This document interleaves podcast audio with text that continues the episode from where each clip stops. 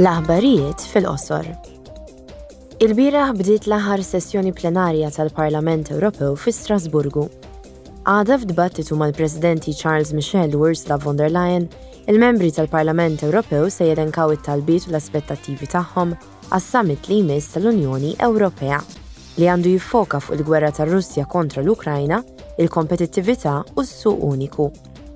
Fuq l-aġenda tas-summit hemm ukoll kif tingħata spinta lill-ekonomija tal-Unjoni Ewropea u kwistjonijiet relatati mal-enerġija. Għada fl-okkażjoni tal-Jum Internazzjonali tan-Nisa li ġie ċċelebrat fit-8 ta' Marzu, ir-rebbieħa Iranjana tal-Premju Nobel għall-Paċi Shirin Ebadi u l-astronawta Taljana u kmandant tal-Istazzjon Spazjali Internazzjonali Samantha Cristoforetti se jindirizzaw lill-membri tal-Parlament Ewropew.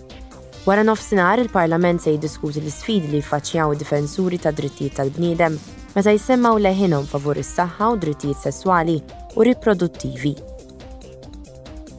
Għada wkoll il-membri tal-Parlament Ewropew se jieħdu rendikont tas-solidarjetà u l-qsim tar-responsabilità fl-Ewropa fir-rigward tal-politika tal-migrazzjoni u tal-ażil.